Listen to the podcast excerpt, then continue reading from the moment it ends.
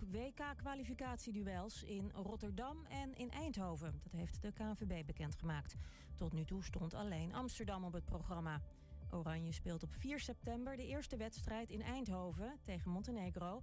De tweede is in Amsterdam tegen Turkije. De wedstrijden tegen Gibraltar en Noorwegen zijn in Rotterdam. Vakbond FNV maakt zich zorgen over de drukte in winkelstraten nu er weer zonder afspraak mag worden geshopt. Vooral bij kleding- en schoenenzaken stonden meteen al rijen mensen te wachten. De bond wil dat er alles aan wordt gedaan om personeel veilig te laten werken en roept het winkelend publiek op om zich aan de coronaregels te houden. Na de CAO-acties vanmorgen op het spoor rijden de treinen weer, maar ook daar is het druk. Treinreizigers kunnen zich daardoor lastig aan de coronaregels houden, zegt de NS. Vakbond FNV Spoor voerde in de regio's Utrecht, Amersfoort, Amsterdam en Alkmaar actie voor een betere CAO. De komende dagen zijn er op andere plekken acties. En tijdens de Olympische Spelen in Tokio gaan alle sporters dagelijks getest worden op corona. Ook hun begeleiders worden elke dag gecheckt. Japan en het Internationaal Olympisch Comité hebben dat besloten om te voorkomen dat het virus zich daar gaat verspreiden. De Spelen beginnen op 23 juli. Het weer, steeds meer bewolking. Het blijft wel droog en het is 15 tot 20 graden. Morgen buien, soms wat zon en met 12 graden is het kouder dan vandaag. Tot zover het ANP-nieuws. Iedereen verlangt naar een leven zonder coronaregels. Vaccineren is hierin de belangrijkste stap. En die stap komt steeds dichterbij. Elk vaccin dat straks is goedgekeurd, is op tienduizenden mensen getest. Zo weten we zeker dat het ons goed beschermt tegen het virus. En ook veilig is. Als we ons laten vaccineren, krijgen we stapje voor stapje meer vrijheid terug. Het is begrijpelijk als je vragen hebt. Antwoorden vind je op coronavaccinatie.nl. 120. Weet wat er speelt in Twente. Iedere dag praten we hierbij over alles wat er in Twente gebeurt. Via radio, tv en online. 120. Rijen dik bij de terrassen in Enschede. Twente heropent op veel vlakken. Wij maken een rondje langs de velden. Hengeloers Bert en Gerda zijn ingeënt en kunnen daarom eindelijk weer doen wat ze zo graag doen. Dat is muziek maken. UT-onderzoekers Daniel Davison en eh, Bob Schadeberg vonden uit dat de robot Zeno kan helpen in de basisschool. Ze zijn bij ons met Zeno. En de plannen voor Vliegveld Twente moeten opnieuw worden overwogen na een recordverlies vorig jaar, vinden de lokale en provinciale GroenLinks-fracties. Het is woensdag 28 april en dit is 120 vandaag. Ja, en het is de dag van de versoepelingen. Avondklok eraf, winkelen zonder afspraak en waar veel mensen vooral ook naar hebben uitgekeken. Om klokslag 12 uur gingen de terrassen weer open en zo ook op de Oude Markt in Enschede. Jullie komen om gezellig te borrelen, te lunchen. Alles bij elkaar. We doen alles in één, hè? Ja. Dus alles of niets.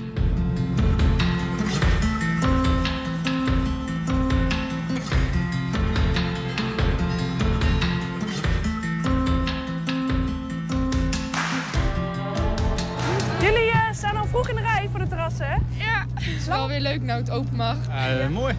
Dat is toch lekker? Lekker zonnetje erbij. Lang op gewacht? Ja, op zich. Ja, we hebben maandenlang stilgezeten, dus eh, het is wel fijn dat we weer even kunnen. Fijn dat het eh, weer open kan. Leuk. Ja, lekker. Ja, zeker. Ja. Lekker weer erbij. Dus eh, ja, heerlijk. Ja, leuk.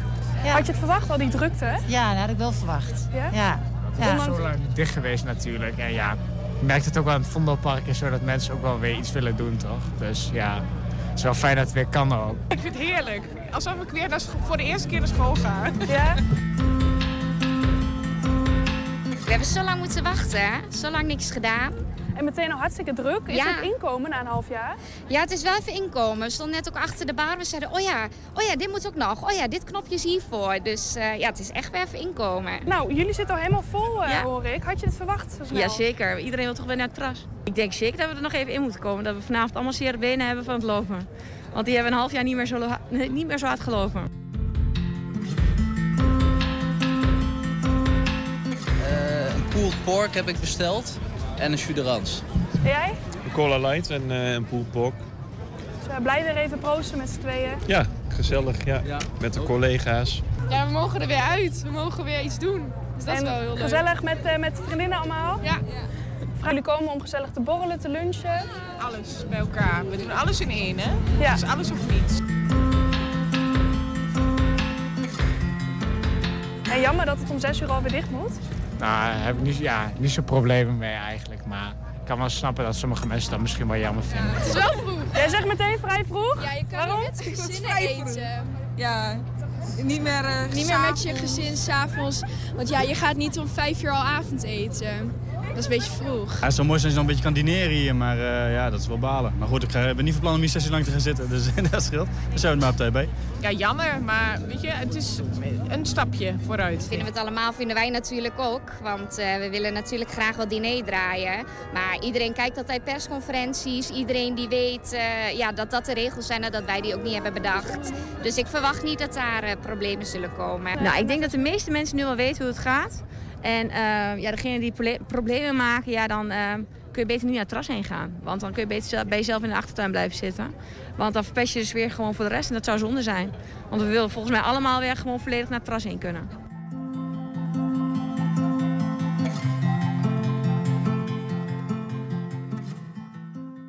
Ja, wie had dat gedacht, hè? Dat je ooit nog zo'n soort Hey. van eh, gevoelige video zou kunnen maken Goed, bij gewoon op het terras zitten. Bijna sentimenteel, joh. Ja. Het, gaat, het gaat weer open, weet je. Het heeft zo lang dichtgezeten.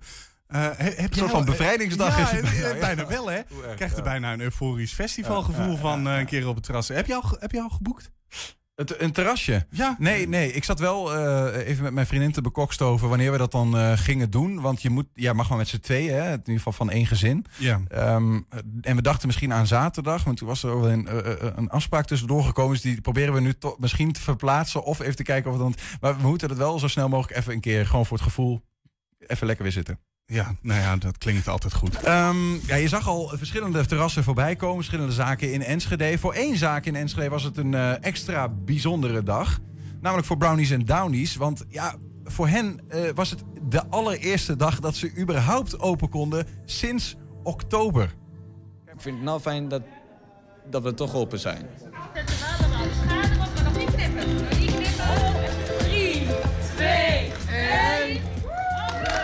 Blij, we zijn hartstikke blij. We hebben net eh, de bijzondere medewerkers hebben de linkjes doorgeknipt knipt om officieel te openen. Dus na heel lang wachten is het eindelijk zover. Fantastisch. Ja, ik vind het hartstikke tof dat, ik, eh, dat, dat dit mijn eerste werkdag is. En eh, leuk dat uh, de Downies in Enschede open is gegaan. En uh, ja, heb ik ook lang op zitten wachten. En uh, ja, nu is het aangebroken. Uh, 19 april zijn we begonnen met de dagbesteding en zijn we gaan trainen en oefenen. En uh, vandaag mogen we het voor het eerst in de praktijk brengen. Dus dat is heel spannend. Klaar, een paar kleine verbeterpuntjes al, maar goed, we doen ons best. Nou, ik uh, ben nu met vaart bezig en, en ik, um, ik ga zo dadelijk mm, waarschijnlijk nog meer vaart afwassen. En, maar ik kan hier van alles doen. Dus. Ja, klopt. Het is de eerste werkdag. Volgens mij vinden ze het spannend, maar gaat het goed? Oeh. nee, volgens mij gaat het hartstikke goed. Ze zijn heel blij dat ze eindelijk aan het werk mogen. En uh, nou ja, ze voelen zich ook heel verantwoordelijk, dus dat is mooi. Ik denk het wel dat ze daar blij zijn. Dus uh, ja, hopen dat we mo mooie tijden hier kunnen maken bij Downies. Dat we veel gasten blij mogen maken. En of dat een beetje is gelukt, dat kunnen we vragen. Want we hebben eigenaresse Anne van der Raad aan de telefoon. Anne, goedemiddag. Goedemiddag, hallo. Allereerst gefeliciteerd zeg. Ja, dankjewel. Eindelijk hè? Ja, jongen, jongen, jongen. Er moest er een keer van komen. Er zit een heel verhaal aan vast. We hebben je natuurlijk een aantal keer hier gehad. Je had de sleutel ja. al vanaf oktober, maar gekozen om niet open te gaan hè, tot, tot nu. Ja, klopt inderdaad. Klopt. Ja, we hebben gewacht. Uh, nou ja, ook vanwege de coronamaatregelen natuurlijk. Maar uh, eindelijk, eindelijk, eindelijk. We kijken ja. gewoon niet meer terug op de afgelopen tijd. We gaan vanaf nu alleen maar knallen. Hey, en hoe, hoe was het nou vandaag? Want uh, ja, je, je werkt met, uh, met, met, met cliënten, mensen met een afstand tot de arbeidsmarkt. Ja. Uh, verstandelijke beperking. Die vonden het reuze spannend natuurlijk. Ja, die vonden het reuze spannend hoor. Ik had wel een aantal balletjes onder de ogen dat ik dacht, oeh, jullie hebben niet zoveel geslapen. Jullie hebben toch een beetje wakker gelegen. Maar ja, weet je, als de eerste dag eraf is, of de gehad is, dan gaat het superleuk. Ja. We hebben het onwijs naar hun zin gehad. Ik heb alleen maar blije kopjes gezien. Dus, uh, de adrenaline ja, heeft ze er ook weer doorheen geholpen, zeg maar. Nou, absoluut hoor. Zeker weten. Ja. Wat even, wat, voor jou ook, ja? ja? Ja, ik vond het ook wel spannend. Maar het is gewoon uh, fijn dat het nu eindelijk kan. Absoluut. En hoe zijn dan uh, misschien allereerste reacties van, van je medewerkers? Hoe, hoe reageren ze? Hoe gaat dat? Ja, heel verschillend. Ze zijn heel blij. Ehm, eh, ik heb aan iedereen net gevraagd toen ze weggingen van hoe vond je het? Ja, superleuk, superleuk. En ik zie je vrijdag weer en dan gaan we weer knallen en helemaal blij. En eh, als je ook ziet met de werkzaamheden zijn ze heel enthousiast met wat ze allemaal mogen doen. Maar soms vinden ze nog wel een beetje spannend om daadwerkelijk eh, bijvoorbeeld de bestelling op te nemen bij de gasten. Dat is, dat is nog wel spannend, dus daar helpen we graag mee. Moet nog een beetje wennen. Dus, uh, precies, moet nog een beetje wennen. Ja. Hey, en, en tegen een collega van mij vertelde je dat het vanochtend niet helemaal vlekkeloos ging. Wat, wat gebeurde er? Nou, we hadden nog wat kleine verbouwingsdingetjes uh, waar je tegenaan loopt. Uh, we merkten bijvoorbeeld, we hebben tablets waar we op werken, waar we de bestelling mee opnemen. Maar blijkbaar op het terras is de wifi net niet sterk genoeg. Dus uh, dat soort kleine dingetjes. Ah, ja, ja, achter, ja, maar Is, is inmiddels allemaal opgelost. Kijk, de kinderziektes dus, gaan er langzaam uit, om het zo maar te zeggen. Precies, precies. En hoe, hoe zijn de reacties van de klanten dan die bij jullie aanschoven om een brownie of iets anders te eten? Ja, fantastisch. Uh, ze vonden het allemaal heel lekker, dus dat is heel fijn. En ze vonden het er mooi uitzien. Ik moet ook echt uh, complimenten aan uh, chef-kok Vincent geven, want die zorgt ervoor dat het bord er echt uitziet als een feestje. Dus dat is fantastisch. Het, het bord met eten, zeg maar, wat de mensen volgen. Maar kennen, kennen ze het concept? Heb je nog met ze gesproken, met, met klanten die aanschoven? Ja, de meesten kennen het wel. Um, het was vooral dat ze zeiden, oh, zit het hier? En oh, heb al ergens anders in het land uh, een keer een brownie gegeten. Dus ze kennen het vaak wel, ja. absoluut. Ja. Nou, nou begreep ik dat het bij brownies en downies wel eens wil gebeuren. En dat trouwens, dat is trouwens ook bij de gemiddelde shawarma tent. Maar dat je een, een, een, een aardbeien smoothie bestelt en je krijgt een glas chocolademelk. Is het vandaag allemaal goed gegaan met de bestellingen? Volgens mij is het allemaal goed gegaan. Ik heb geen, uh, geen rare dingen gezien of gehoord. Dus volgens mij, uh, we kloppen het even af, is het vandaag allemaal goed gegaan. Lekker zeg. Hey, en uh, gaan jullie de dag nog op een bijzondere manier afsluiten zometeen als zes uur is? Nou, ik denk dat we eerst eens even met onze voetjes omhoog gaan en eens even met het team gewoon gaan kijken wat, hoe goed het is gegaan. En ja, er zitten ook wat verbeterpuntjes, dus daar gaan we ook even mee aan de slag. En dan zorgen dat we er morgen weer klaar voor zijn. Heel goed, morgen weer een nieuwe dag. Fris en fruitig met uh, brownies en downies. Anne van der Raad, dankjewel. En uh, nogmaals veel uh, plezier de komende tijd met je zaak. Ja, gaat helemaal goed komen. Jullie ook bedankt. Ja, Um, ja, we zouden nu heel even gaan bellen. Dat wordt nu alvast gedaan. Maar is goed. We gaan na dat bellen trouwens, uh, zo'n leuk dingetje, gaan we praten met UT-onderzoekers Daniel Davison en Bob Schadeberg. Ze vonden uit dat de sociale robot Zeno kan helpen in de basisschool. Zometeen zijn ze bij ons samen met die Zeno. Eerst even nog een ander ding binnen dat heropeningsblokje. Ja, want met het versoepelen van de maatregelen keert het normale leven stap voor stap weer terug. Veel dingen die voorheen normaal waren, konden maandenlang niet. Zoals samen fanatiek sporten of optreden. Hengeloers en muziekliefhebbers Bert van der Molen en Gerda Minkjan behoren tot de 60-plussers die inmiddels zijn ingeënt en zich daardoor een stuk veiliger voelen. Voor het eerst in vier maanden tijd werd er weer gerepeteerd.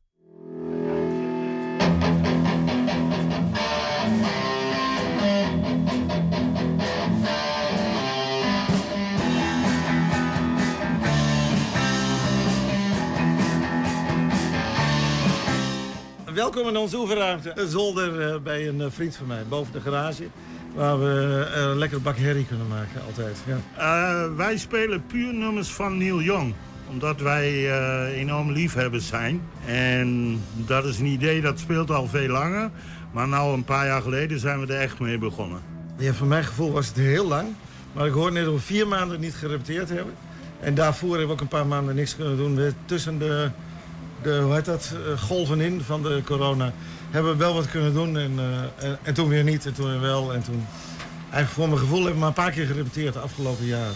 Ja, nou ja, maar de laatste keer was echt uh, de, de eerste twee weken van december. En daarna hebben we echt 4,5 maand stilgelegen. Uh, we hebben wel uh, geappt nog ondertussen, maar verder niet uh, iets muzikaals gedaan. Hoe hebben jullie dan jullie skills op peil gehouden?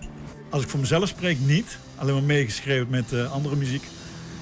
En ik denk dat alle gitaristen en drummers... die hebben zich uit de naad gewerkt. Ik denk de afgelopen, uh, afgelopen maanden. Ga ik eigenlijk vanuit. We hebben een paar keer uh, thuis gerepeteerd. Maar dat is een beetje moeilijk. Want ik woon in de Kasbah en dat is heel gehorig. En Bert woont in een flatje, dat is ook heel gehorig. Dus, Een beetje akoestisch hebben we het proberen ja, op peil te houden. Geneuzeld, ja. ja. Een beetje geneuzel op een akoestisch gitaar. dit is, dit is het echte werk. Dit is veel leuker. Dit is Neil Jong. Het is nu nog wat eh, roestig, maar ik denk als we een keer of vier, vijf eh, hebben geoefend, dan, eh, dan zijn wij wel weer op niveau.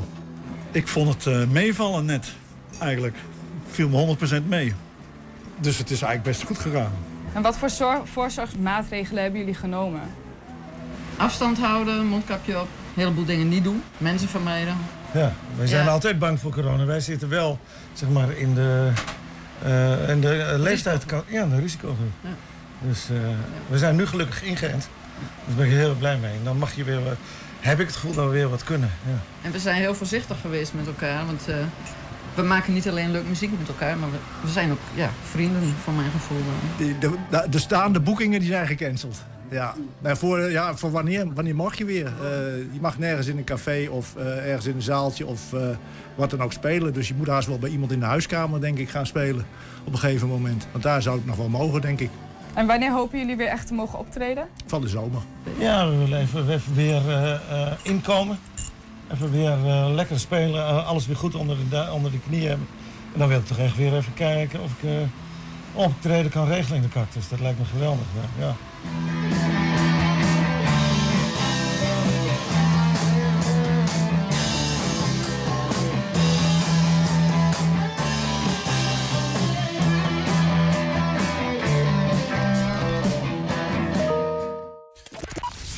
Ja, het ziet er dan toch wel weer gezellig uit weer het repeteren. Dan nu gaan we verder naar het volgende onderwerp. Want eh, de, eh, het is dus de dag van de versoepelingen. Horeca is, eh, is in gedeeltelijke manier weer open. Je kan weer winkelen zonder afspraak.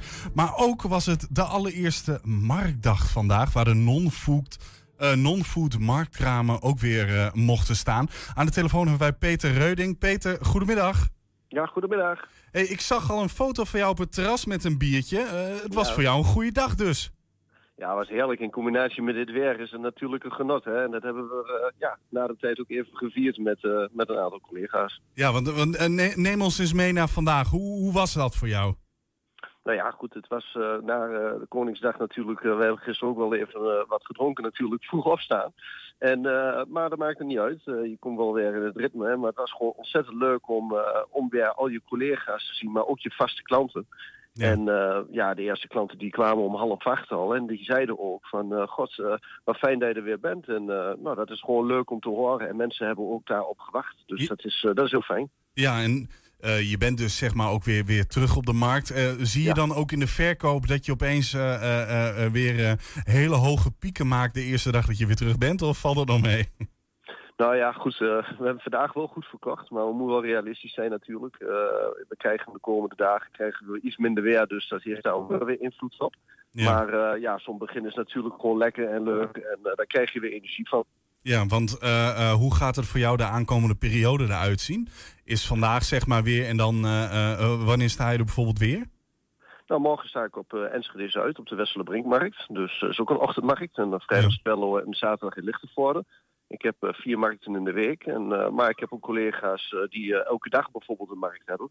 Dus ja, het is, het is weer in je ritme komen na 4,5 maand. Een, Ja. lange kerst, een lange kerstvakantie. En alle, alle vaste gasten kwamen dus allemaal weer, weer langslopen op de markt. En eigenlijk, ho- hoe kun jij nu als, als marktkooplied, hoe kun jij nou het, zeg maar, er zijn nu nog wat beperkingen. Hoe verwacht jij dat de aankomende periode eruit gaat zien? Nou ja, goed, eh, we staan in de frisse buitenlucht. En eh, voor ons is het natuurlijk eh, al heel lang duidelijk dat wij, ja, dat wij een hele veilige aankoop of inkoopkanaal zijn voor heel veel consumenten. En eh, ja, je merkt het ook aan de, aan de klanten dat ze het prettig vinden om in de frisse buitenlucht hun producten te halen. En eh, ja, ik voorzie eigenlijk geen problemen meer erin, omdat wij ook eigenlijk eh, de enige brand zijn die in één keer ehm, ja, weer is toegelaten en ook zonder restricties. En eh, alleen met in achtneming van de RIVM-richtlijnen. Dus ja, ik heb goede hoop dat, dat we gewoon ja, kunnen blijven draaien. En, en je bent dus ook niet bang dat je binnenkort over een, laat, laat zeggen, een paar weken weer thuis zit en je weer niet naar de markt mag? Nou ja, die angst uh, die hoor je natuurlijk overal. En uh, natuurlijk weten we ook niet wat ze beslissen in Den Haag. Maar uh, ja, goed, laten we hopen op het positieve. En dat we nu weer vooruitkijken. Want die 4,5 maand thuis zitten, dat, ja, dat was voor heel veel collega's en voor mij natuurlijk niet de leukste tijd.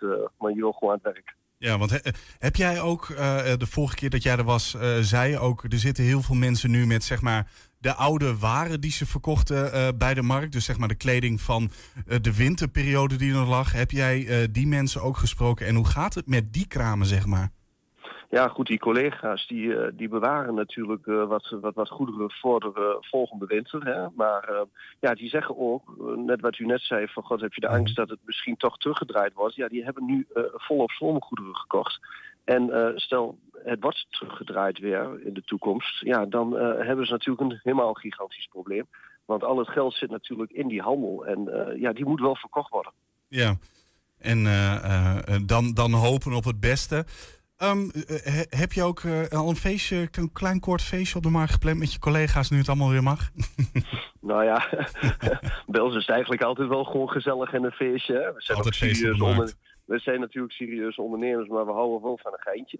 En uh, nou ja, we hebben vandaag dus uh, een van onze plaatselijke horeca-collega ja, even gesproken en gezegd van... God, heeft u nog een tafeltje rond twee uur vrij? En daar hebben we even een biertje gedronken. Nou ja, het is je allemaal gegund. Peter Reuding, dank en succes in de aankomende tijd. En laten we hopen dat dat een goed vervolg krijgt. Dankjewel. Ja, en dan uh, Niels, ik zie dat jij de studio hebt verlaten. Waar zit jij precies?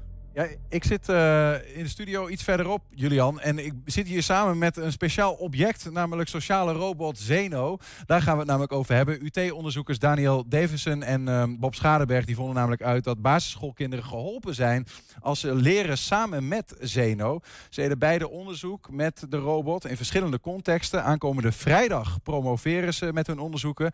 Nu zijn ze alvast bij ons om uh, er wat over te vertellen. Daniel is hier in de studio. Welkom. Hi. En uh, je hebt Zeno meegenomen.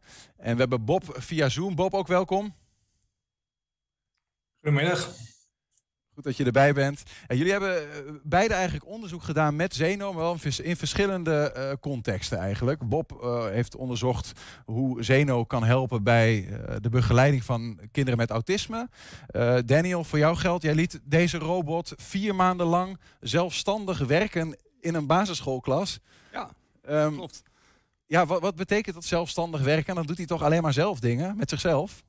Nou, het idee was dus um, voor ons onderzoek is dat we wilden kijken of we zo'n robot nou daadwerkelijk in een klas konden laten meedraaien.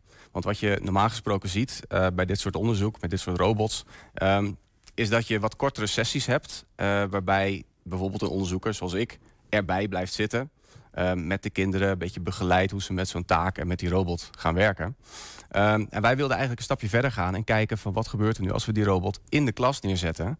Waarbij de onderzoeker gewoon weggaat en uh, dat die kinderen zelfstandig met die robot gaan werken.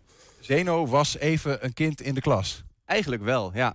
Um, een, een heel beperkt kind, want de Zeno kan natuurlijk niet alles. Um, maar wij hebben hem zo, zo geprogrammeerd en uh, ingericht dat hij met een bepaalde specifieke leertaak met die kinderen zelfstandig kon gaan werken. Oké, okay, dus Zeno zat, zat ergens uh, in die klas en die was zelf aan het werk. Maar wat hebben die kinderen daar dan aan? Dus de robot die, die stond bij zijn leertaak. Zo kon je het eigenlijk zien. Dus uh, de leertaak die we gebruikt hebben was een, een fysiek uh, lesmateriaal. waarbij de kinderen eigenlijk, de bedoeling was dat zij kleine proefjes gingen doen. Dus wij hebben een, een balanstaak gebruikt, zoals we dat noemen. Dus het idee is dat je een balans hebt, een soort ouderwetse weegschaal... waar je aan beide kanten uh, van het draaipunt gewichtjes kunt zetten. En door de gewichten te variëren en die van verschillende afstanden van het draaipunt neer te zetten... kun je dan eigenlijk achterhalen een beetje wat de momentenstelling is uit de natuurkunde. Um, het idee is dat kinderen dat gaandeweg door middel van kleine proefjes... dat in hun eigen woorden kunnen gaan ontdekken. Um, en de robot die weet heel veel over onderzoekend leren. Maar die weet nog niet zoveel over die leertaak specifiek. Dus de robot die stond daarbij. Um, en die kon kinderen begeleiden in het proces. Hoe doe je dat nu? Zo'n klein experimentje. Nou, dan moet je eerst een hypothese hebben. Dan moet je alles gaan klaarzetten. Dan doe je het onderzoekje. Dus dan zet je de potjes erop. En dan achteraf moet je een conclusie trekken. Um, dus die robot kon dat proces goed begeleiden. En die vroeg dan vervolgens achteraf aan het kind... kan je nu uitleggen hoe dat nou komt hoe komt dat nu dat dit potje daar naar beneden is gegaan? En dan nodigt dat eigenlijk de kinderen uit om in eigen woorden uit te leggen... nou, omdat dit potje zwaarder is, of omdat daar meer in zit... of omdat die verder van het middelpunt afstaat. Dus ik begrijp van jou, deze robot zit bij uh, een kind... wat bezig is met een weegschaal en te kijken van... hé, hey, wat gebeurt er nou als ik hier een gewicht wat zwaarder maak... of verplaats op die, op die wipwap... Ja. Uh, en hij helpt tegelijkertijd om te zeggen... wat moet je nou in die fase van zo'n onderzoek doen? Dat zegt hij dan ook? Van, uh... Ja, dat, dat, dat kon hij vertellen. Um, dus toen wij het echt in de klas hebben neergezet... Uh, waren we wel wat restricties. Want dat kan niet zomaar, die robot kan niet de hele klas uh, onderbreken door te gaan blaren. Um, dus kinderen moesten een koptelefoon op. Dus de robot praatte via de koptelefoon tegen het kind. Um, en de kinderen konden hun antwoorden invoeren via een tablet. Dus de robot die kon via die tablet eigenlijk herkennen wat de kinderen aan het doen waren, wat hun voorspellingen waren. Is, is, zit hij voor de hele klas, met een hele klas tegelijk is die bezig? Nee, nee, nee het of is één op één op één. één op één. Dus uh, de robot stond in een hoekje van het klaslokaal. Uh, we hadden kinderen een, een, een pasje gegeven met hun naam erop. Uh, en die konden zij dan scannen bij de robot, zodat de robot ook wist wie dat was, Pietje of Jantje. en die kon dan op basis daarvan ook dat kind volgen gedurende die vier maanden. Dus de robot wist bijvoorbeeld, nou Pietje die heeft al vier keer deze taak gedaan. Um, dus die mag misschien wel naar een niveautje hoger. Want we hadden wat verschillende moeilijkheidsniveaus mm -hmm. erin zitten. Mm -hmm. um, terwijl Jantje, dit is uh, de eerste keer dat hij er uh, mee werkt met de robot. Dus laten we die maar gewoon op een makkelijkere taak beginnen. Nou ga ik een vraag stellen die misschien de, de leerkrachten onder ons niet zo prettig vinden. Maar wie is er nou beter in het vak? Zeno of die leerkracht? Want, um, ja. Ik heb deze vraag heel vaak gehoord, ook van leerkrachten zelf. Um, gaat deze robot mij nu vervangen? Ja. Nee, absoluut niet. Dat is ook uh, eigenlijk niet, niet het doel geweest van ons onderzoek. Um, wat wij proberen te doen is te kijken hoe zo'n robot nu een toegevoegde waarde kan hebben in dat leerproces. Je kunt het eigenlijk een soort van zien als een, ja, een soort tablet. Um, of een, een digibord, um, een nieuw digitaal middel in het, in het klaslokaal... wat de leerkracht kan inzetten in zijn lessen. En wat, wat, wat, was voor jou de conclusie dan? Want je hebt hem vier maanden laten werken. Hij heeft uh, met die ja. kinderen gezeten, onderzoek gedaan. Gevraagd hoe ging het onderzoek voor jullie? Wat, wat heb je nou geleerd misschien wel? Uh, is dat ook een toevoeging voor die kinderen? We hebben gezien uh, als wij de robot naast een um, niet-robot leersituatie zetten... dus met robot of zonder robot... dat kinderen op een bepaalde manier toch wel iets hebben aan de sociale aanwezigheid van die robot. Dus je kunt je voorstellen als jij met een leertaak bezig bent... en je hebt heel goed je best gedaan en um, je hebt uiteindelijk daar iets nieuws van geleerd. En de robot die vraagt aan jou, die kijkt naar jou... Um, kun je nu uitleggen wat je geleerd hebt?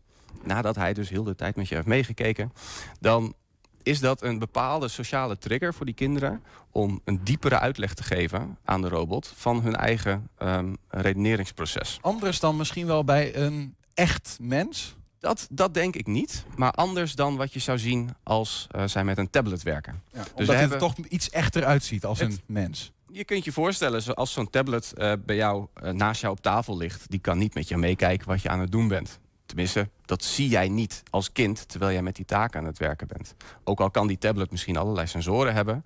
Um, het feit dat de robot met jou meekeek en jou vervolgens in je ogen aankijkt en vraagt... kun je dat uitleggen?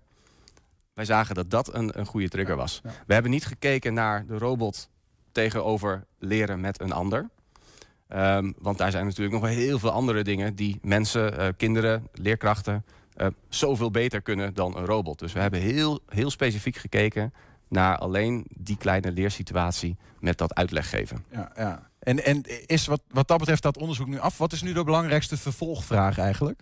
Dus ik denk uh, een vervolgvraag als je kijkt vanuit uh, de onderzoekswereld... zou kunnen zijn, moet het wel deze robot zijn?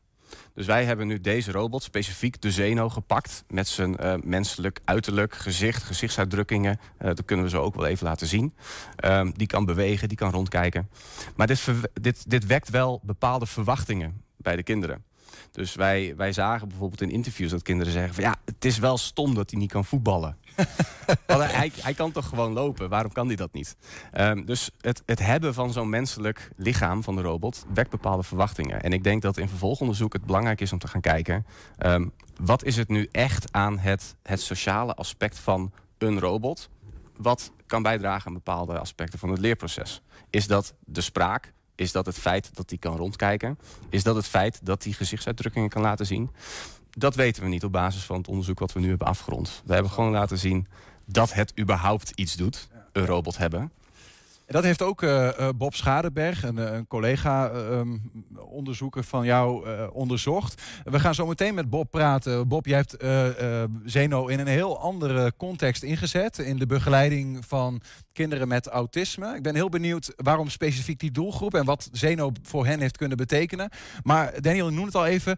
Um, ik ben ook ontzettend benieuwd. Ja, we, hebben hem hier staan. Hij staat aan. Maar wat, hij kan nu niet. Uh, dat, dat zelfstandig werken principe kan nu even niet. Hè? Dus ik kan wel iets anders laten zien. Dus we kunnen eventjes uh, laten zien hoe dat er nou uitziet als een robot um, ja, beweegt en, en zijn gezichtsuitdrukking laat zien. Dus dit was even de robot die, uh, die zwaait. Hij zwaait. Als ik nou terug zwaai, kan hij dat dan zien? Of, of is er echt alleen maar eenrichtingsverkeer? Dus dit is nu echt eenrichtingsverkeer. Um, we zouden dan de complete setup met alle camera's en alle sensoren zouden we dan uh, weer op moeten stellen. Dan zou het kunnen. En dan zou het misschien kunnen, ja, precies. Um, het is allemaal wel erg tricky om dat te doen. Wat kan hij nog Ook. meer? Wat? Hij heeft een... Uh, dit is een soort dans. Een dansje. Dit is de monkey dance. Dit was erg, erg populair bij de kinderen, kan ik je vertellen. Dit kon hij dan ook tijdens dat zelfstandig werken. Zaten ze af en toe dus dit, even te dansen met het ding. Dit werd gebruikt voornamelijk in de Bobse studie. Oh, wat goed. Ja, daar ben ik um, benieuwd naar. En ik kan ook nog even wat gezichtsuitdrukkingen laten zien. Dat is ook altijd wel leuk. Dus dit is zijn... Van verbazing? Beetje, beetje verbazing, beetje blij. Ja. Wat geinig is dit zeg niet zo vrolijk volgens uh, mij. Het is niet zo vrolijk, hè? Nee. Beetje nors. Ja. Oh. ik zo'n verdrietige robot. Ja. Vreselijk, hè? Ja. Het, het, is wel grappig. Iemand zei nog bij ons op de redactie, hij lijkt een beetje op Chucky. Op, uh, ja. Ja, hoor je dat meer of niet? Ja, er waren, van de horrorfilms. Er waren, ook, er waren ook kinderen die zeggen van, oh, dat is Chucky. Hoe zij bij um, die horrorfilms zijn uitgekomen, dat weet ja, ik zo Dat horen ze helemaal niet te zien. Nee, dat horen ze helemaal niet te zien. Maar uh, het maakte voor die kinderen overigens over het algemeen niet zoveel uit hoor. Ze zeggen, oh hij is zo creepy, hij lijkt op Chucky. En dan wilden ze wel aan zijn gezicht gaan ja, ja, en dan misschien geeft dat nog een bepaalde verbinding. Bob, ja. uh, zeiden ze dat bij jou ook trouwens, uh, de kinderen waar jij mee hebt gewerkt? Het lijkt op Chucky? Nee, ik heb ze dat niet horen zeggen, maar uh, ja, op de universiteit noemen we hem ook wel eens Chucky. um, nee, maar ook, ook de autistische kinderen die reageerden heel positief op de, op de robot en vonden hem over het algemeen heel leuk om mee, uh, mee te spelen. Want, uh, jouw onderzoek is echt wel, heeft een andere insteek gehad dan dat van uh, Daniel. Jij, bent eigenlijk met die autistische kinderen samen met de robot aan het werk gegaan. Hoe zag dat eruit? Ja, dus bij ons hebben we dezelfde robot gebruikt. Um, deze hebben we dan meegegeven aan bijvoorbeeld een therapeut. en die gebruikte de robot dan om ja, die kinderen iets te leren over hoe herken je nou emoties. Nou, zoals je net zag, de, de robot die kan een aantal emoties uitdrukken. Um, en die, de, nou, die uh, mogelijkheid dat, die, uh, dat de robot die heeft, die hebben wij gebruikt. Um, en ja, met het programma hopen we dan dat ze daarmee de, de beginselen leren. En we zien de robot dan echt als een opstapje. Dus we leren echt de, de, de basis eerst. Dus dat zal eerst van uh, kijk naar het gezicht en daar gebeuren ja, belangrijke dingen die je wat kunnen vertellen over wat iemand bijvoorbeeld voelt. Um, en vervolgens gaan we dat, die, die vaardigheid verder uitbouwen. Dus moet je nagaan dat het herkennen van emoties is een, vaardigheid die zich over ons hele leven aan het ontwikkelen is. Maar echt de, de basis daarvan leren we echt in onze eerste maanden en jaren. Uh, en het kan zijn dat die autistische kinderen, die hebben daar uh, soms moeite mee met het herkennen van emoties. Um, en voor die kinderen hebben we dus deze, deze interventie gemaakt. Mm-hmm. En hoe helpt het hen dan, Bob, dat, dat dit een robot is en niet gewoon bijvoorbeeld de meester of juf. Is zit daar nog een meerwaarde in voor de, deze kinderen?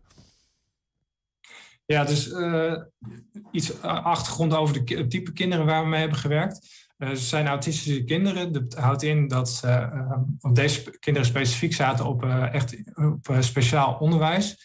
Um, ze hebben daarnaast hebben ze vaak een geestelijke beperking ook. Uh, hebben ze moeite met uh, het gebruik van taal en kunnen ze soms ook taal uh, moeilijk begrijpen.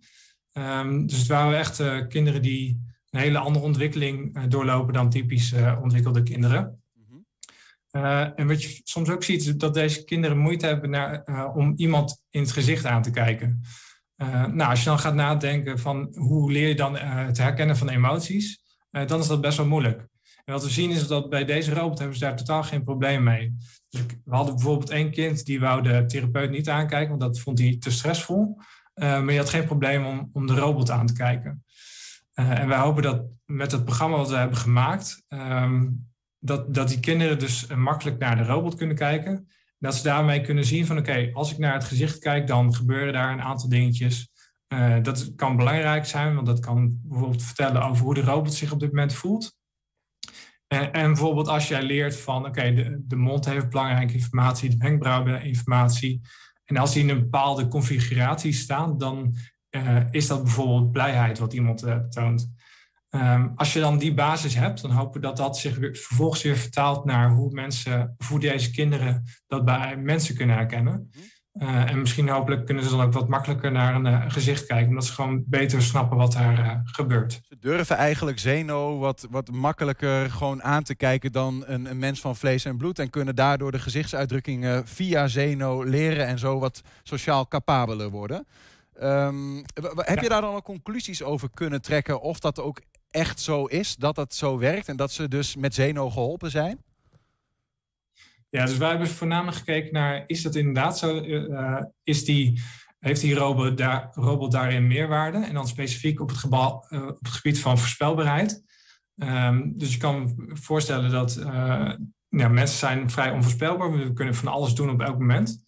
maar een robot die doet maar een paar dingen. Die kan bijvoorbeeld een paar acties doen. Hij zegt altijd bepaalde dingen en dat zegt hij op dezelfde manier. Dus in die zin is het heel makkelijk om te voorspellen wat hij gaat doen. Uh, en dit is iets wat autistische kinderen ook uh, uh, ja, prettig vinden. Die vinden die voorspelbaarheid heel belangrijk. En dat zie je ook terug in het huidige onderwijs, hoe dat gestructureerd is. Um, en daarvoor, daar hebben we naar gekeken. Dus we hebben bijvoorbeeld één robot gehad, die was wat meer onvoorspelbaar. En die hebben we vergeleken met een robot die heel voorspelbaar was. En dan zagen we echt dat die voorspelbaarheid echt wel wat deed bij die kinderen. Dus we zagen dat specifiek in de aandacht die die kinderen hadden voor de taak. Uh, er was een stukje hoger wanneer de uh, robot ook voorspelbaar gedrag vertoonde. Ja. Ik denk ook dat, dat die voorspelbaarheid van de robot, dat is echt een meerwaarde die de robot kan bieden aan deze kinderen. En wat is dan wat Daniel vertelde net, dat um, de robot deed een dansje. Dat zagen we ook even, heel geinig om te zien. Maar uh, je zei van, Bob heeft daar gebruik van gemaakt. Hoe heb je dat dansje gebruikt? Ja, dus de, de, in de eerste interactie die de kinderen hadden met de robot, lieten we gewoon zien van, oké, okay, dit is de robot, dit soort dingen kan die. Um, nou, hij doet van allerlei gedrag. Uh, dus het was puur om de interesse te wekken van die kinderen dat ze uh, nou, de robot zagen, maar ook zagen wat hij kon, kan doen. Um, ja, dus daarvoor hebben we dat dansje gebruikt en dat was erg succesvol. En nu is de vraag dus nog van hoe kun je nou de kennis die ze opdoen vanuit het werken met de robot, die voorspelbaar is, eigenlijk ja, meenemen in het echte leven en zoals wij als mensen onvoorspelbaar reageren.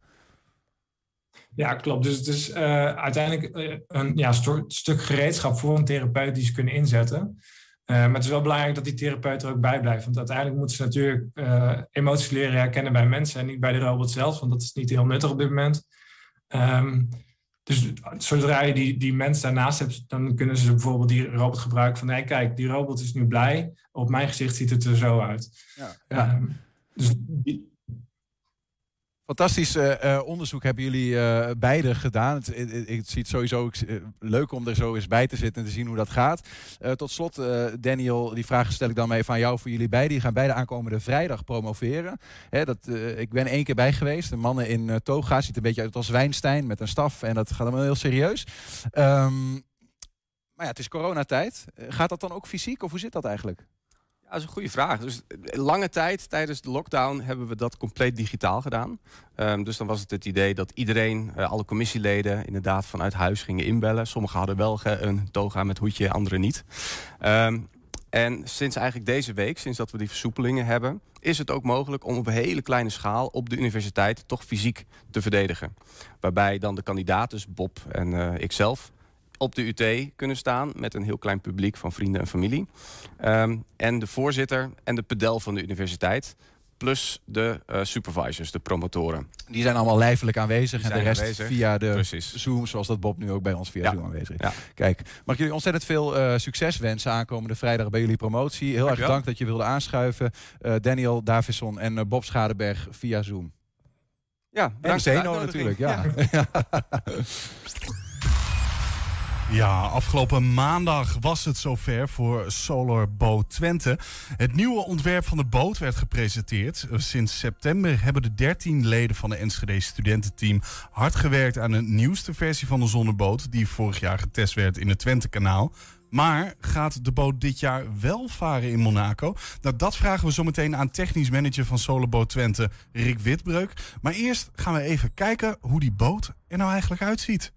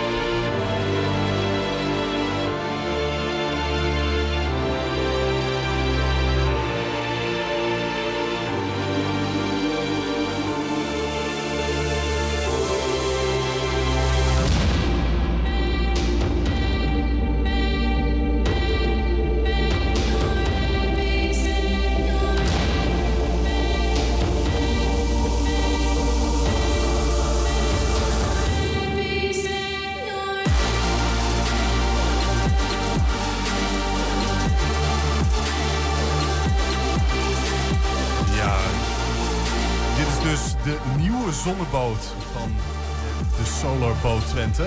Terwijl ik over de muziek uit probeer te torenen. Ja.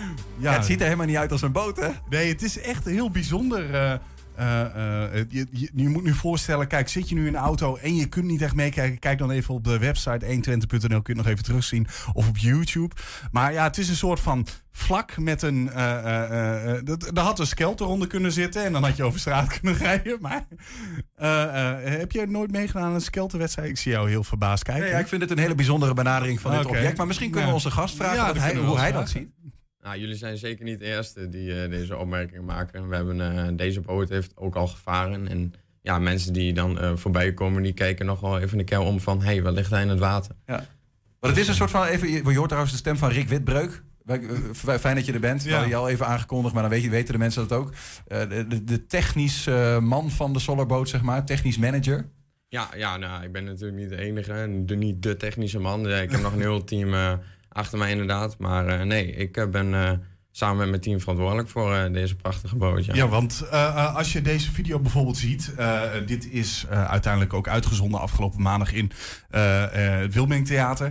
Ben je dan trots als je, als je ziet wa- wat je uiteindelijk hebt kunnen maken? Ja, nee, zeker. Van toen we die ochtend binnenkwamen en de, ja, de boot neerzet op het podium al en je kijkt even om je heen. ja, dat kreeg je toch echt kippenvel van. En eh, het was voor ons ook een heel bijzonder moment, omdat we ook als team een geheel zijn er niet vaak bij elkaar kunnen komen door omstandigheden.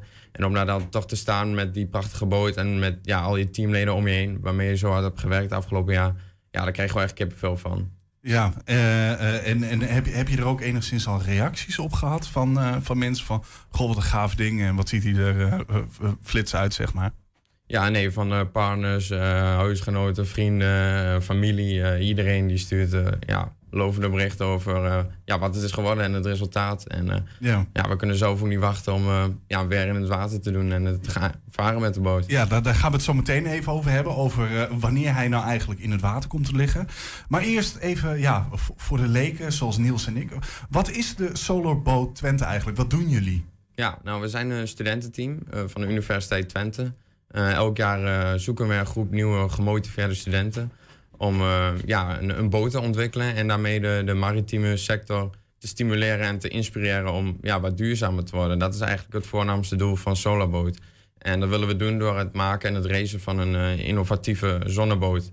En uh, nou, het maken is dus nou al gelukt. En uh, we hopen inderdaad dat we nog mogen gaan racen dit seizoen. Worden er ook elementen uitgebruikt? Want ik moest even afgelopen, nou ja, gisteren, uh, Koningsdag, zag ik dat uh, een deel van de koninklijke familie kwam binnen met -hmm. uh, een, een, een, vorm van Stella. Dat is een zonneauto van de Technische Universiteit in Eindhoven. die, doen, die, die komt echt vanuit die solar race, zeg maar. Geldt het ook voor die boten dat er dingen, objecten worden gebruikt in die maritieme sector ook echt? Nou, dat is uiteindelijk wel het ultieme doel. Want daardoor, ja, daarvoor bedenk ik het wel echt. We willen het echt gaan toepassen. En we hebben ook partners waarmee we samenwerken om te kijken van... hey, kunnen we dit nog opschalen en uh, ja, gebruiken straks in de echte scheepvaart. Uh, met de middelen die we hebben, we zijn een klein team en we proberen daar alles aan te doen. Zijn er nog geen echte onderdelen die ook op een boot gebruikt kunnen worden. Maar de technieken, en, ja, die, die kunnen wel opgeschaald worden. En zou eventueel toepasbaar zijn. Um, ja, want dit is, dit, is, dit is niet echt per se iets waar je. Kijk, hier kan volgens mij één persoon in zitten. En dan is het echt puur praktisch. Maar het is nog niet per se iets waar je zeg maar duizenden mensen mee nee, kunt vervoeren. daar gaan geen containers nee. of uh, mensen mee vervoerd worden. Nee, maar het is inderdaad vooral om uh, ja, te laten zien en mensen te inspireren van hey, het kan wel echt duurzamer. En uh, ja, ook wat ik net al zei, als mensen omkijken van hey, wat ligt daar godsnaam in het water, dan ja, dat wekt wel de aandacht. Ja. Maar zeggen. Je zei net even van, uh, we zijn benieuwd om wanneer die te water gaat, hoe dat dan zal gaan. Maar ik neem aan dat je hem stiekem tussendoor wel test, toch? Zeker, zeker. Uh, wat we hier zien is een boot die af is. Maar we hebben ook bijvoorbeeld een heel regelsysteem uh, mm. die ervoor zorgt dat onze boot ook echt gaan vliegen. En dat is het meest vette deel van deze boot. Er zit er hardware voor ons onder. En dat systeem, uh, ja, dat vergt ook veel testen om die parameters precies goed te krijgen. Zodat hij boven, het water, water uitkomt? Ja, ja. Nee, inderdaad. We hebben ook dit jaar weer nieuwe hydrofoils gemaakt. En uh, bij een bepaalde snelheid uh, geven die zoveel opwaartse kracht dat onze boot eigenlijk helemaal uit het water komt. En uh, daardoor kunnen we heel efficiënt omgaan met de energie die we binnenkrijgen van de zon. En, en kunnen we urenlang kunnen we varen. En want, want jullie hebben deze boot vorig jaar, als ik me goed nog herinner, zo'nzelfde soort boot ook getest in het Twentekanaal. Daar kon je ook zien dat hij een beetje boven het water kwam. hoeveel van die boot van vorig jaar zien wij hier op deze foto nog terug? Nou, eigenlijk wat je ziet is eigenlijk wat vorig jaar voor een groot deel is afgeleverd. En wat binnen in de boot zit, de software die er, erbij komt kijken, de elektronica, het regelsysteem en de vleugels, daar hebben we dit jaar heel hard aan gewerkt. Dus de, de, de echt grove constructie die je ziet met de panelen, uh, die is vorig jaar al gemaakt. Mm -hmm. uh, maar het project kon vorig jaar niet afgemaakt worden door omstandigheden. Uh, ja, de testen was niet meer mogelijk. Ja. Dus we zijn er dit jaar eigenlijk op verder gegaan en we hebben ja, veel brandjes geblust en veel ja, en dingen toegevoegd aan de boot. Ja, want uh, uh, krijg je daar dan ook zeg maar moeilijkheden mee? Je krijgt, het je krijgt het hele boot krijg je overgedragen van het team wat voor jou is. Um, moeten die jou dan ook ieder schroefje van die boot uitleggen waar het zit? Het, het lijkt me enorm lang dat je bezig bent om überhaupt te leren hoe de vorige boot werkt om, uh, ja, om daarna eraan te gaan werken. Nee, als uh, studententeam zijn we ook al heel erg bezig om die, die, ja, die overdracht zo soepel mogelijk te laten gaan. Dus alles wat we doen, documentaire ook heel goed. Dus we kunnen van elk schroefje kan ik ook terugvinden waar die gekocht is of wat voor schroefje het überhaupt is. Bij de gamma. of de praxis. Ja, precies, maar dat soort dingen zijn heel praktisch om te weten en helpen je ook heel erg in de overdracht. En omdat, zeker omdat we een team zijn dat elk jaar verandert. Ja. Ik noem het zelf ook een bedrijf dat zijn personeel ontslaat in juli en een volledig nieuw personeel aanneemt in september. Dus Zitten er nou ook hele exotische onderdelen in trouwens? Want ik noem even de, wat, wat bouwmarkten. Maar is het ook wel eens dat je denkt van... ja, ik weet eigenlijk niet wat ik moet halen... en dan blijkt dat bij de HEMA te kunnen of zo? Ja, weet ik. Nou, bijvoorbeeld het schoonmaken van de zonnepanelen... dat doen we met Zwitsal, omdat het pH-neutraal is. Kijk, dat soort dingen inderdaad uh, kom je wel eens tegen. Dus je moet ook ja. out of the box denken met bepaalde problemen... of dingen ja, die niet standaard verkoopbaar zijn of kunt kopen. En ik denk, uh, jullie hebben deze boot uh, hier in de regio denk ik getest. Maar uh, je moet ergens naartoe werken. Ja. Waar werken jullie als Solarboot Twente naartoe? Ja, aan het einde van ons collegejaar hebben we een, een, race in Monaco. in de jachthaven, wat natuurlijk heel vet is, die locatie. Maar daar krijgen we ook te maken met golven en met zeewater. Dus onze boot moet inderdaad ook erg robuust zijn. maar dat is wel het grote doel waar we naartoe werken. En daar is ook krijgen we de kans om ons te meten met de andere teams uit de hele wereld. En, en weten jullie al of dat doorgaat? Uh, uh, zijn jullie zeg maar volgens mij eind juli, als jullie schooljaar erop zit, gaan jullie dan ook naar Monaco of is dat nog twijfel? hebt evenement is aangekondigd. De organisatie is druk bezig. En in mei wordt definitief de knoop doorgehakt of het evenement plaats gaat vinden of niet. En tot die tijd kunnen wij alleen maar zorgen dat die boot er klaar voor is. En ja, ik kan je nu wel geven dat die boot op tijd klaar is. En dat wij daarheen gaan. Dus het is nu afwachten wat, uh, ja, wat de situatie Maar waar hangt dat vanaf dan? Want ik bedoel, als jij in zo'n boot zit en, Zit er en, eentje in, en Hansel uit eh, Duitsland, ik weet niet of hij die ook meedoet, maar die, eh, die zit naast jou in een ander bootje, ja, dan ga je elkaar niet besmetten, denk ik. Klopt, dat is hartstikke veilig. Maar je moet wel bedenken dat elk team zo'n 15 mensen heeft. En die zitten nu over de hele wereld. Dus je brengt wel heel veel mensen in beweging. Ja. Maar eh, in principe kan het evenement veilig plaatsvinden. Stel dat jullie er naartoe gaan. Jullie gaan niet in Twente-kanaal, maar in Monaco, in die jachthaven met die prachtige miljoenenjachten daar. En daartussen eh, vaart jullie boot. Hoe, hoeveel kans maken jullie eigenlijk? Zitten jullie goed in die race?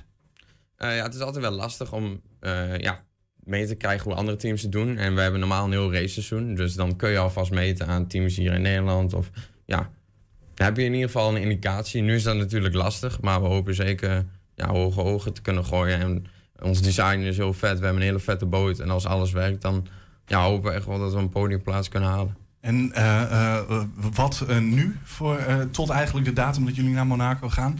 Hier gewoon op Twente kanaal blijven? Gewoon klaar, hè? Beentjes omhoog, terrasje, Ja, pakken. daarom. Lekker Ja, man.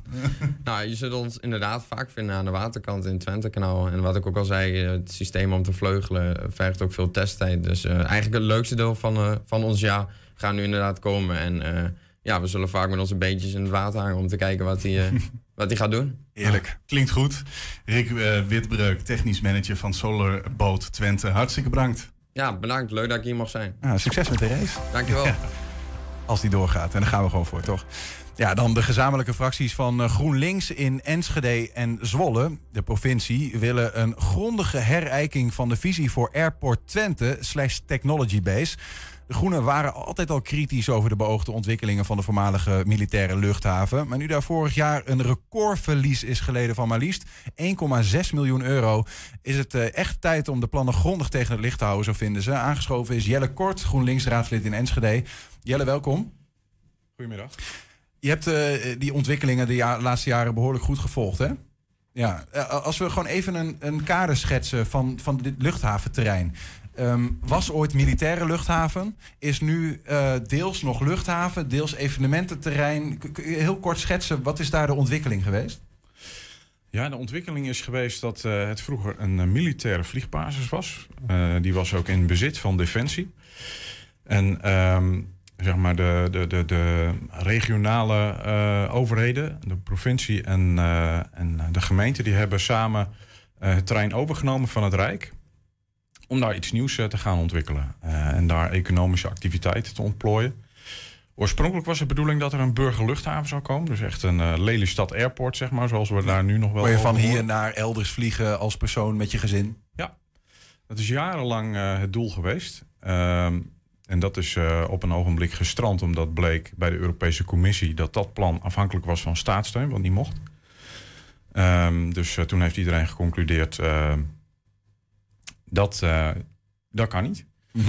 En op dit moment inderdaad, zoals je zegt, eh, wordt er heel kleinschalig eh, gevlogen. Dus eh, de Airport Twente die is ja, vergelijkbaar met, met Teugen of Drachten of zo. Zakelijk, zakelijk verkeer, geloof ja, ik, hè? zakelijk verkeer. En er worden vliegtuigen gesloopt. Die komen dus op de baan en dan ja, worden die vliegtuigen ontmanteld. Mhm. Ehm, hetgeen allemaal niet heel erg veel banen oplevert. Wat natuurlijk oorspronkelijk wel heel erg eh, de doelstelling was. En verder, zoals je al zei, eh, worden er ook evenementen gehouden op het terrein. Het is een heel erg groot, eh, heel groot gebied. Ik, ik zou de weg ook niet kunnen vinden op de fiets, zeg maar. Zo groot is het wel. Je moet echt rondgeleid worden. Ehm, en er zijn ook ja, hangars, hele, hele grote structuren, zal ik maar zeggen, waar allerlei bedrijfjes. ehm, de drones. Ja, Eh, de droneontwikkeling. Activiteiten ontplooien, er worden drones eh, eh, ontwikkeld. Maar het is allemaal nog heel kleinschalig. Het, het heeft nog niet echt een vlucht genomen. There is room for growth. Dat, dat is misschien altijd wel een beetje met dingen die in de startblokken staan, die nog moeten ontwikkelen. Wat zijn dan precies de bezwaren? Nou, de bezwaren zijn op dit moment, laat ik het zo zeggen, we hebben eigenlijk meer vragen. Ehm, want wat je ziet is dat het succes uitblijft. Een aantal jaren geleden is, is het begrip eh, technology base eh, gemunt. Dus de burgerluchthaven die, eh, ja, die was passé. En toen was de vraag, wat, wat gaan we nu doen? En toen heeft een commissie van wijzen... die heeft met heel veel betrokkenen gesproken... en geadviseerd om daar een technology base van te maken. En die zou dan aansluiting moeten vinden bij de kennisinstellingen in de stad... bij, bij Saxion, de UT, bij bedrijven die zich met high-tech bezighouden in de regio... En die zouden dan ook ehm, op, op het voormalige terrein van, van Defensie eh, aan de slag kunnen en, Mhm. en eh, dingen kunnen gaan doen. Ehm, Technology Base is dan een soort van de verzamelnaam van alles wat daar gebeurt op dit Ja. moment. Ja. En eh, nou, daar is een nieuwe koers uitgekomen, waarbij de politiek er toch ook weer voor heeft gekozen om daar het vliegen ook weer een rol in te geven. En ja, de eerste financiële problemen ontstaan nu weer. De gedroomde aantallen banen die er zouden komen, Mhm. die blijven uit. Mhm. Dus de vraag is van, is dit wel verstandig om op deze voet door te gaan als we financiële tekorten gaan krijgen? Als eh, er heel veel kosten gemaakt moeten worden voor het beheer van het terrein, organisatiekosten. Want die kosten dat- die zijn uiteindelijk weer terug. Die kosten zijn uiteindelijk voor gemeente Enschede en voor provincie. Die, eh, die, die zijn uiteindelijk, als, eh, als er zeg maar geen geld wordt verdiend op het terrein, Mhm. met grondverkopen, met eh, pacht, met andere inkomsten, dan zijn die, eh, die kosten uiteindelijk voor gemeente en provincie zeker. Ja. Nou is het, de, afgelopen jaren kwam onlangs naar voren 1,6 miljoen euro verlies geleden. Ehm, is dat incidenteel of is het al jarenlang zo? Nou, dat is, dat is volgens mij nu voor het eerst dat er met deze orde van grote tekorten worden geleden. Ja. Maar, en dan zegt, eh, nou ja, de Technology Base zelf zegt van ja, eh, een aantal dingen. Ehm, we, bijvoorbeeld, kregen vliegtuigen van Lufthansa, die konden wel landen, maar mochten niet opstijgen. Heeft een aantal kosten met zich meegebracht. Gedoe rond stikstof, ehm, eh, het einde van een subsidie. Dat, dat zijn allemaal dingen die kunnen toch incidenteel gebeuren, zou je dan zeggen? Ja, zo kun je er naar kijken. Ehm, die analyse zal ook zeker gemaakt moeten worden van wat is er nou eigenlijk precies aan de hand. En mogen we verwachten dat nou ja, een aantal incidentele problemen wel weer opgelost zullen worden en zich niet weer opnieuw gaan voordoen. Maar wat wij als GroenLinks zeggen is dit is eigenlijk ook wel het uitgelezen moment om het eh, geheel, de visie op die technology base met dat vliegen erbij en met de evenementen erbij, om die eens goed tegen het licht te houden. Want er staat heel veel op het spel. Er wordt elk jaar wordt er geïnvesteerd. Ook nu wordt er gesproken over weer opnieuw investeren in de baan. Het aanleggen van bermen en van keerpunten. Uh, nou, ik noemde al de organisatiekosten, de beheerkosten op het terrein. Je wil op een gegeven moment echt het vertrouwen krijgen dat we dat, uh, dat we dat terug gaan verdienen met elkaar. En dat de financiële risico's die we lopen, kosten die worden gemaakt met publiek geld, dat die ook maatschappelijk wat opleveren. Mhm. Dus dat daar banen worden gecreëerd. Maar dat Groen- daar iets gebeurt. Heeft GroenLinks er, eh, hoeveel vertrouwen heeft GroenLinks dat, zeg maar, ehm, dat het misschien even tijd nodig heeft? Ik noemde dat Drone Center. We hebben hier verschillende gasten gehad die zeiden... Enschede gaat misschien wel drone hoofdstad van Europa worden. Dat komt allemaal vanuit die technology base. Of zijn het wat jullie betreft grote woorden, maar je moet het allemaal nog maar zien?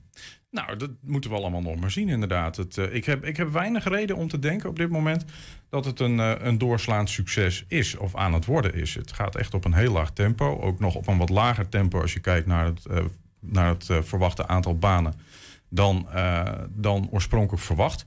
Het aantal banen wat we zouden gaan realiseren, daar is op een gegeven moment in 2019 geloof ik ook nog eens een keer naar beneden bijgesteld. En ook dat aantal wordt niet gehaald.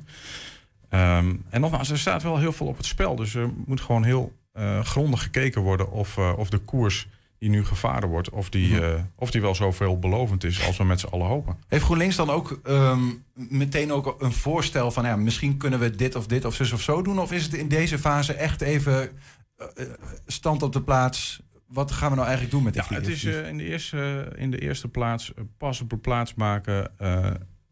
Eindelijk eens een keer goed evalueren. Het is een heel groot project, dus het is eigenlijk ja, ook niet meer dan normaal dat daar eens een, eh, een fundamentele evaluatie op plaatsvindt. Dat gebeurt ook niet, overigens. Nee, dat gebeurt, eh, dat, dat gebeurt niet eh, op grote schaal en dat de politiek dan ook meekijkt. Ik heb daar geen kennis van. Er zal ongetwijfeld wel eens een externe partij worden gevraagd, hoop ik althans, om eens even mee te kijken. Eh, ik heb er eerder zelf ook op aangedrongen bij, eh, bij de verantwoordelijk wethouder van nou, vraag anders ook eens mensen vanuit Eindhoven, waar natuurlijk eh, met heel veel succes ehm, een, een, een ja, high-tech ontwikkeling heeft plaatsgevonden, om mee te kijken. Ehm, maar ik heb daar nooit iets over gehoord. Ja. Maar heb je, hebben jullie als GroenLinks zelf dan ook verbeterpunten die je meteen aandraagt? Of is dat nog niet aan de hand? Nee, dat is niet echt aan de hand. Ehm, want ja, eigenlijk eh, is, het, is het ook een beetje ja, een, uh, een, een, twijfelachtig genoegen wat ik heb. Want dat het nu niet, uh, niet echt een groot succes wordt, daar, daar, daar verbaas ik me niet echt over. We hebben vanaf het begin af aan gezegd, de visie van die commissie van Wijzen is mooi. Daar zitten een aantal elementen in die wij ook zien. Mm -hmm. Groene kwaliteiten. Met die baan kun je absoluut dingen. Bijvoorbeeld ook zonnepanelen erop leggen. Of vliegen. Um, en, en, en die commissie die heeft destijds gezegd van... Nou, je moet echt met de markt moet je echt een visie gaan ontwikkelen. Uh, en dan samen kijken wat echt kans heeft. Maar in plaats van dat dat gebeurd is... is er eigenlijk uh, vooral door de politiek die er toen zat... Uh, richting aangegeven. Dus er, er, werd vanaf het begin gezegd, toen Technology Base van start ging... we moeten in ieder geval toch iets met vliegen nog doen. En er is ook heel snel gekozen bijvoorbeeld voor die ondernemer... die dat evenemententerrein heeft ontwikkeld. Mm -hmm. Zonder goed te kijken van... ja, als we er echt een high-tech campus van willen maken. Is dat dan wat wel nodig? eigenlijk nodig? En ja. wat willen ondernemers dan? Ja, ja. Jullie hebben dus altijd wel twijfel gehad over de plannen die er nu uh, tot, tot uitwerking zijn gekomen. Uh, en, en, vinden eigenlijk in die 1,6 miljoen uh, een nieuwe, vrij heftige stok om mee te slaan. Om te zeggen van jongens, wacht nou even. nogmaals, wat moeten we met die luchthaven? Vinden jullie dan ook steeds meer politieke partners in, die, in dat geluid? Uh, ik heb uh, inmiddels geconstateerd dat D66, een coalitiefractie in Enschede, ook heel, uh, heel kritisch is. En ook breder kijkt dan alleen nou ja, de onhandigheid, zal ik maar zeggen, binnen Airport Twente.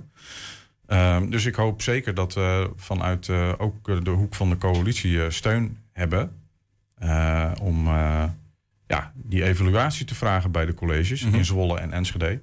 En dat is wat we al gedaan hebben. Uh, de GroenLinks-fracties in Zwolle en Enschede hebben gewoon de colleges gevraagd... Van, nou, zou het niet heel verstandig zijn om op dit punt... eens grondig te gaan evalueren en herijken. Ja. Stel dat de uitkomst van zo'n onderzoek is... dat er juist meer gemeenschapsgeld nodig is om het tot bloei te brengen? Nou, dan zouden we heel goed moeten kijken...